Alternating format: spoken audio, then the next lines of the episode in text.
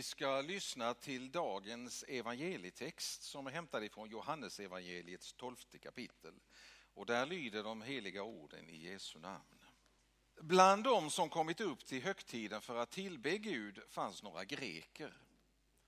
De sökte upp Filippus, han som var från Betsaida i Galileen och sa Herre, vi vill gärna se Jesus. Filippos gick och talade om det för Andreas och Andreas och han gick och talade om det för Jesus. Och Jesus svarade dem, stunden har kommit då Människosonen ska förhärligas. Sannerligen, jag säger er, om vetekornet inte faller i jorden och dör förblir det ett ensamt korn. Men om det dör ger det rik skörd. Den som älskar sitt liv förlorar det. Men den som här i världen hatar sitt liv han ska rädda det till evigt liv. Om någon vill tjäna mig ska han följa mig och där jag är kommer också min tjänare att vara.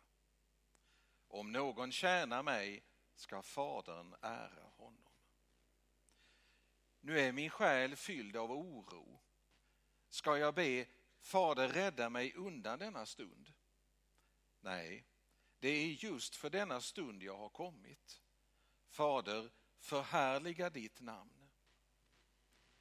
Då hördes en röst från himmelen. Jag har förhärligat det och ska förhärliga det på nytt. Folket som stod där och hörde detta sa att det var åskan. Men några sa att det var en ängel som hade talat till honom. Jesus sa, det var inte för min skull som ni hörde rösten, utan för er skull. Nu faller domen över denna världen. Nu ska denna världens härskare fördrivas.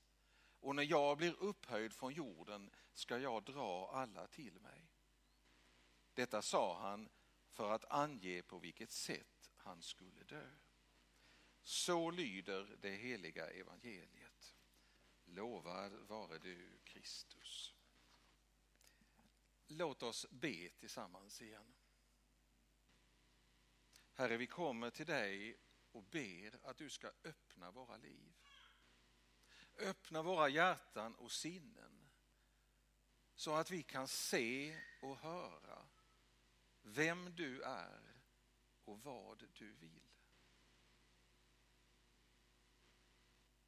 Herre, du vet hur lätt vi fastnar i allt vårt eget. Allt det som vi kallar för jordiskt. Hjälp oss den här stunden att fästa vår blick på dig och på himmelen. Herre, vi lämnar den här stunden helt i dina händer och säger Herre, gör vad du vill med oss.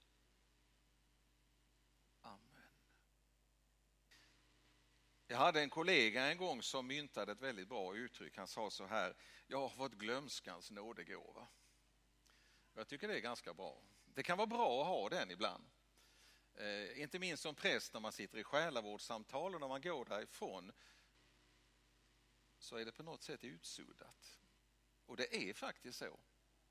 Inte så att man har glömt samtalet, men på något sätt så om någon skulle fråga vad pratade ni om så skulle man inte kunna återge det. Men glömskans nådegåva är inte en nådegåva om det handlar om Jesus.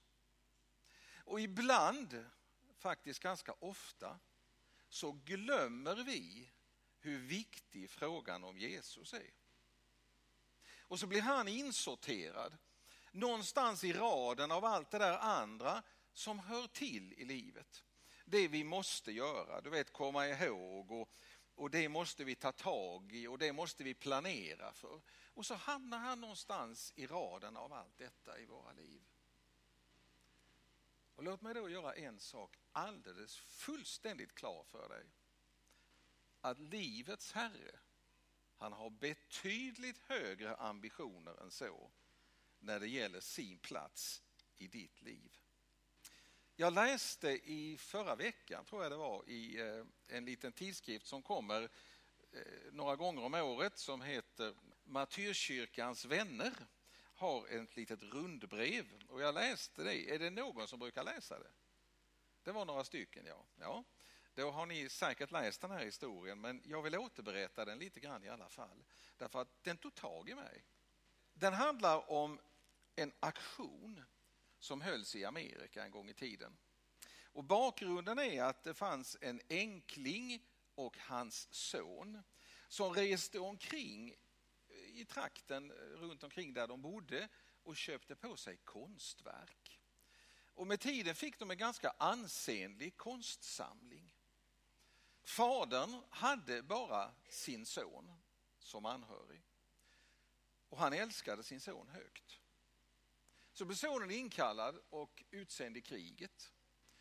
Och där ute på slagfältet skrev han hem till far.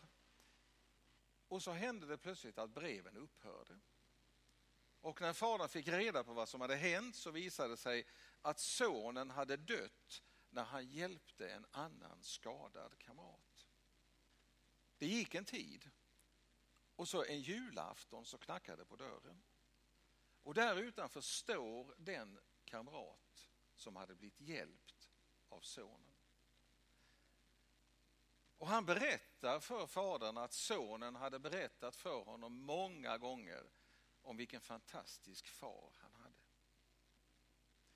Och så ville han överlämna en liten gåva. Det var en amatörmålning som han själv hade gjort föreställande sonen. Fadern tog emot tavlan och hängde den på hedersplatsen där hemma. Kort tid därefter så dör fadern. Och hela hemmet ska auktioneras ut.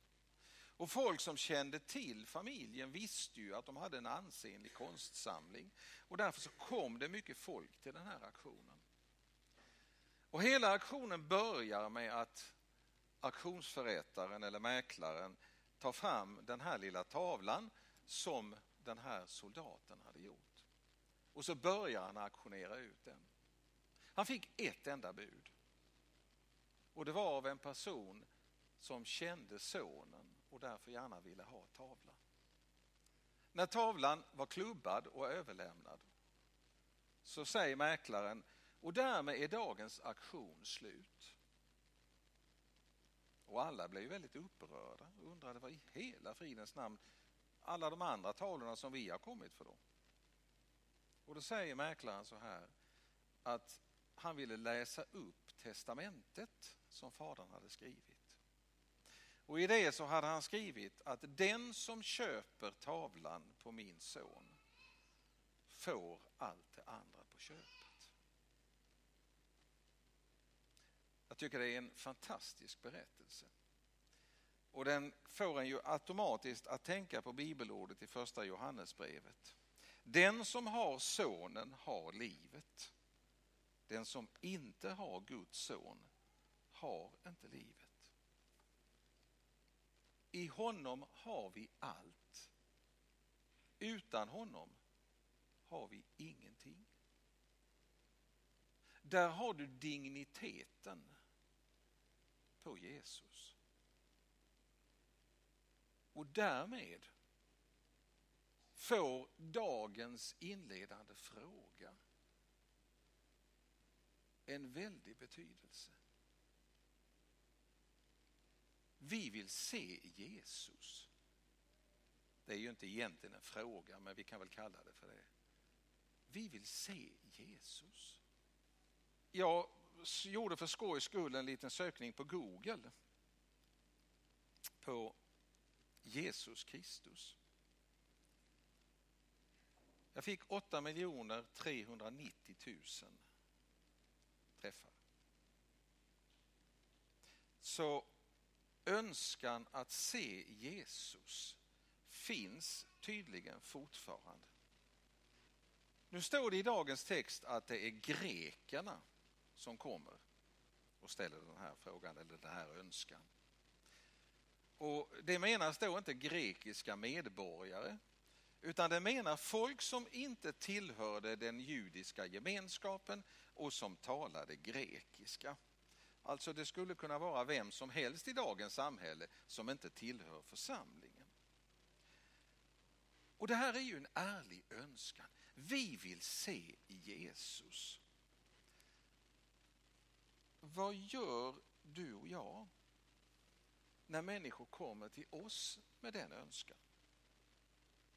Vad gör du? Det här är en retorisk fråga som man ska liksom fundera och tänka, man ska inte ge ett svar mer än till sig själv. Jag blev alldeles förskräckt sista terminen jag gick på prakten, det här är många år sedan nu, men jag minns det som om det vore igår. Jag var i Uppsala för att träffa ärkebiskopen, för det gjorde alla som skulle prästvigas på den tiden.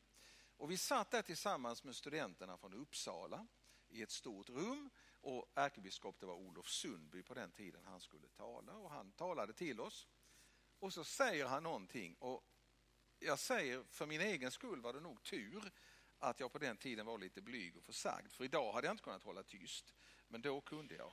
Han säger så här, jag kan inte längre förutsätta att de jag viger till präst har en personlig tro. Kan du tänka dig så fruktansvärt?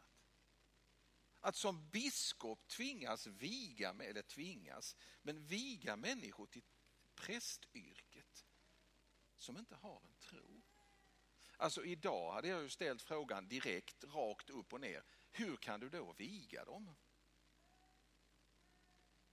Det gjorde jag inte då. Ett par månader senare var veckan innan vi skulle ha prästvigning i Lunds domkyrka. Och då pratade vi om det här i den gruppen som vi var då, vi som skulle prästvigas. Och då säger en av mina kollegor så här, jag ställde frågan, men tänk, det vore väl underbart om det kom fram någon efter gudstjänsten och sa, jag blev så gripen av det du sa, jag skulle vilja hitta Jesus. Jag menar för mig vore det det optimala. Och min blivande kollega säger då, då skulle jag springa. Vad skulle du göra? Du, jag tycker det är varje kristen människas skyldighet att kunna visa andra på Jesus. Jag sa inte förklara vem han är, för det behöver du inte göra. Du behöver inte försvara honom mot de som angriper och har åsikter och idéer. Men du kan visa på honom. Gå och se själv. Det är intressant att se hur Jesus svarar på den här önskan när Filippos och Andreas kommer till honom. Vi vill gärna se Jesus, hade de ju med sig då. Då säger Jesus så här. Om någon vill tjäna mig så ska han följa mig. Det vill säga, det handlar inte bara om att titta, betrakta. Det handlar inte bara om att teologiskt diskutera runt omkring Jesus och ha åsikter och synpunkter. Det handlar om en livsstil, inte om ord. Om någon vill tjäna mig så ska han följa mig. Du och jag är inte kallade till ett liv med de rätta teologiska åsikterna. Det är bra om vi har det, men det är inte det vi är kallade till. För åsikter och synpunkter och tankar, det kan vem som helst ha. Ord är inte svåra. Det finns många som är fantastiska talare och domptörer och som kan leda och förleda människor i stort sett vart de vill. Men att leva det nya livet, det kan bara den göra som har tagit emot det. Och vet du, när jag tittar på kristenheten i Sverige, på kyrkorna i Sverige idag, och nu kan man ju göra det med en gammal mans perspektiv, så blir jag lite förskräckt och lite bestört. För man diskuterar och man planerar och man organiserar och man har samtal med alla möjliga och ibland omöjliga också. Men var finns evangeliets radikalitet? Var finns glöden som bränner? Den som gör att man inte kan låta bli. Och så ställer man ibland frågan, varför kommer det så lite folk till gudstjänsten? Jag läste i kyrkans tidning i veckan. Eh, det är en tidning som jag får därför att jag är med i ett sammanhang där alla får den. Jag hade inte prenumererat på den själv, men, men eh, ibland, det finns bra saker i den. Bland annat han som skriver ledaren, han är otroligt bra. I senaste numret så stod det om trenden att fler och fler går ur kyrkan. Och man räknar med att på 2030 så var dopfrekvensen nere någonstans på runt 30 procent. Om den trenden håller i sig som är nu. Och så undrar man varför kommer inte folk till kyrkan? Och jag har en motfråga. Vad ska de där att göra? Vad är det man får höra från predikstolen? Är det Guds ord och tilltal? Eller är det lite allmänna synpunkter? Intressanta tankar? När jag går till gudstjänst så gör jag det för att få möta Gud och mina medvandrare. Inte för att få höra intressanta tankar. Gamle biskopen i Lunds stift. Jag fick en av hans böcker när jag tog studenten en gång i tiden. Det var min första poesibok. Jag har den fortfarande och jag läste den i veckan. Och jag har samlat på mig många diktböcker efter det. Alla hans och några andra också. Jag ska läsa en enda vers. Nils Bolander skriver om kristendomen som ett örnevangelium. Kristendomen var ett örneevangelium. Sprunget ur den högsta klippspetsens näste på blanka störtflyktsvingar. Men vi tuktade dess järva fjädrar, rätade fackmässigt ut dess rovdjursnäbb. Och se, det blev en svart fågel, en pratsam och tam Är det vad vi har gjort kristen tro till idag? Har vi sorterat in Jesus bland allt det andra? Är han inte längre radikal? Den som vill tjäna mig ska följa mig. Vad innebär då det? Ja, ska man följa någon så gäller det ju först och främst att se var han går. Och sen går den vägen själv. Egentligen är det ju inte svårare än så. What would Jesus do? Armbandet, ni vet. Det är ju precis det det handlar om. Och vilken väg gick då Jesus? Ja, som vi hörde alldeles i inledningen. Det är ju den här söndagens tema. Kärlekens väg. Och den kärleken visade sig ju på två sätt i Jesu liv. Kärleken till Gud som innebar lydnad för Guds vilja. Och kärleken till dig och mig som innebar vandringen till Golgata. Och här finns lätt tre ledord. Söka, lyda och visa. Det är den vägen som Jesus vill leda dig och mig. Det är den vägen han vill att vi ska gå. Söka Guds vilja. Lyda den viljan. Och visa varandra den kärlek som också innebär uppoffringar och kanske lidanden. Det här är inte alltid en lätt väg att gå. Jag har många gånger under mitt liv tänkt Alltså, livet vore ju enklare på ett sätt om man inte var kristen. Därför då slapp man ju fråga Gud om det man visste vad man ville. Men det första var ju alltså att söka Guds vilja. Och när Jesus gjorde det, vi ser det i texten idag, skulle jag be säga nej, det ska jag inte. Därför jag vet att Faderns vilja är något annat. För Jesus innebar att söka Guds vilja att få reda på att vägen var jobbig, att den var svår och att den ledde till döden.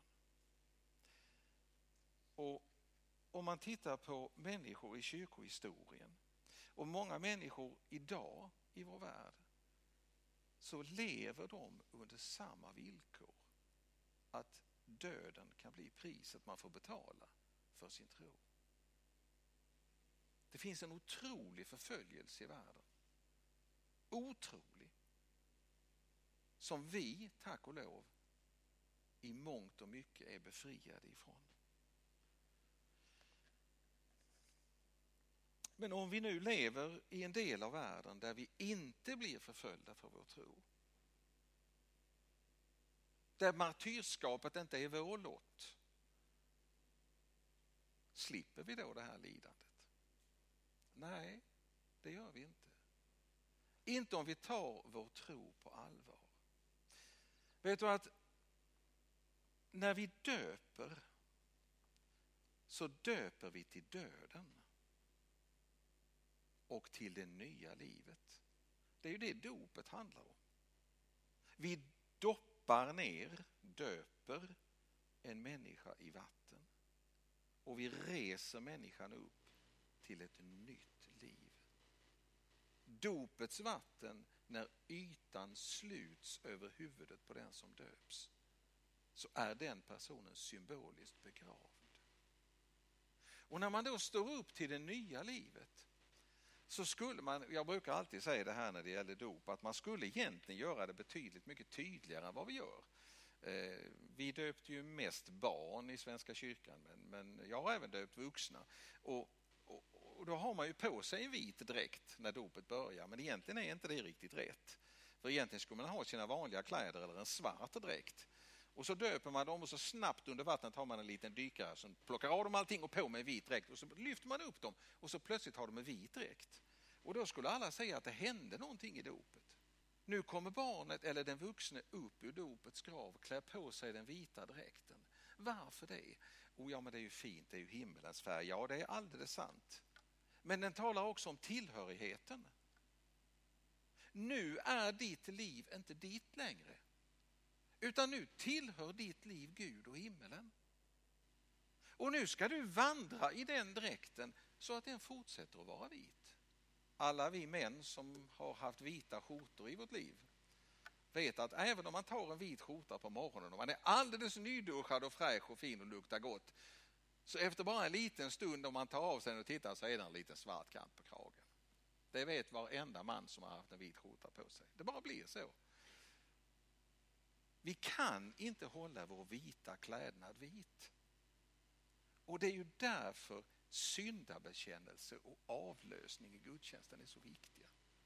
Det är ju där, det, det, är, det är så fantastiskt. Varenda söndag kommer du till den himmelska tvättstugan. Och så får du plocka av dig den vita dopdräkten. Och så blir den tvättad och snabbtorkad och så på igen. Gå nu ut, nu är du ren och vit och fin och fortsätt att leva det nya livet. Det livet som visar människor att du inte själv bestämmer utan att det är Gud som bestämmer i ditt liv. Det är han som är din Herre. Det är den vita dräkten som du har fått i ditt dop. Tecknet på. Det är det här livet Jesus vill att du ska leva det vita livet. Det som hör himmelen till. Därför att det andra livet, det jordiska, det kan alla leva. Men det himmelska, det kan bara den leva som har fått ta emot det. Det Jesus säger blir i dagens text omedelbart bekräftat av Gud. Det står så. Problemet var ju bara att det var ju inte alla som hörde det. Läser man texten noga så ser man att det blev, fanns två kategorier av människor i texten. De som hörde att det var himmelen som talade och de som tyckte att det åskade. Det är ju lite skillnad på det. Hur kan man lära sig att tillhöra den gruppen som hör att det är Gud som talar? Ja, först och främst. Det finns en bok som heter Guds ord. Och ord brukar vara det som någon har talat eller skrivit. Vi får lov i vårt land att läsa Bibeln. Det är inte alla ställen man får det på i världen. Men hur är det egentligen med vår bibelläsning? Jag sa vår, jag sa inte er. Om vi inte läser Guds ord, om vi inte hör Gud tala, hur ska vi då känna igen hans röst? Fåren känner sin herde på rösten. Ju mer du umgås med Gud, ju mer du hör honom tala, ju mer du läser hans ord, ju mer lär du dig känna igen när han talar. Två kategorier av människor. De som hör himmelen tala och de som hör åskan. Och jag skulle vilja sluta den här predikan med en fråga till dig. En fråga som jag tycker du ska bära med dig. Vilken av de grupperna tillhör du?